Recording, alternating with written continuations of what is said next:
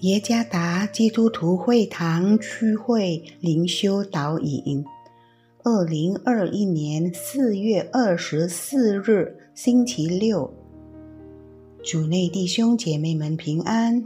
今天的灵修导引，我们要借着圣经马太福音第五章第八节来思想今天的主题：寻得着幸福。作者于来发传道。马太福音第五章第八节：清心的人有福了，因为他们必得见神。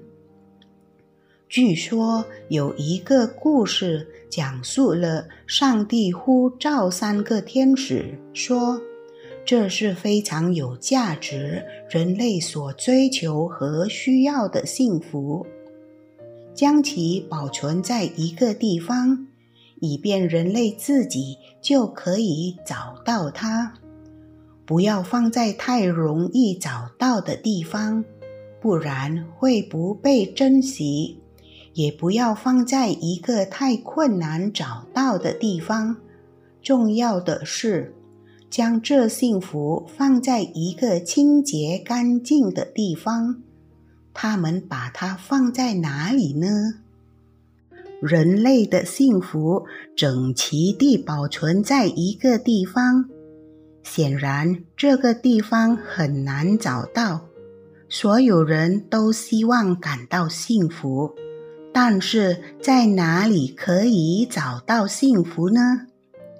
有些人以寻找财富、娱乐、婚姻、地位来得到幸福感。当人类轻易地得到之后，才意识到这些东西并不能带来幸福。我们需要某些一定的标准才能幸福。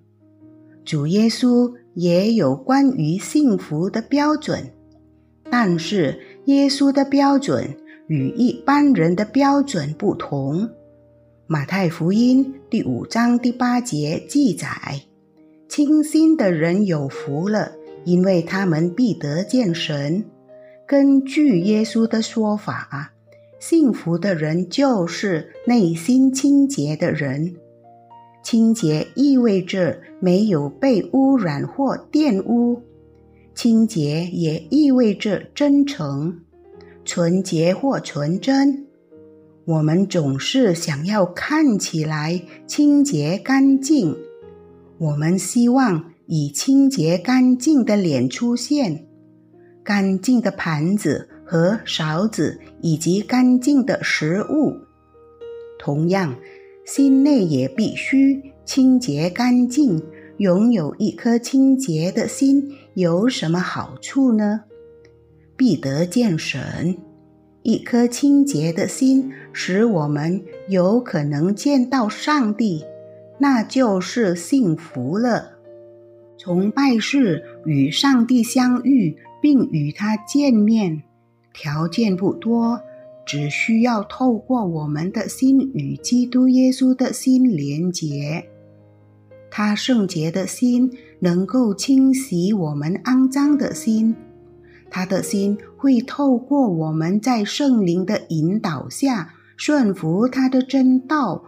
而继续不断地洁净我们的心，这样我们的心就会越来越正直，转向神和他的真理。我们的心在上帝面前更加真诚、纯洁，因为他儿子的心已经放在我们心中。我们会从世俗的事物污染我们与上帝相遇的动机，变得更加清洁。例如，金钱、财物。当我们带着这些动机来到上帝面前时，我们崇拜的动机是纯洁的吗？我们认为金钱是幸福的根源，但是圣经说。贪财是万恶之根。参看提摩太前书第六章第十节。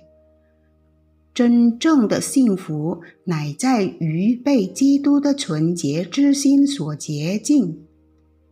幸福在于一颗清洁的心，只有在基督耶稣里，才能得着一颗清洁的心。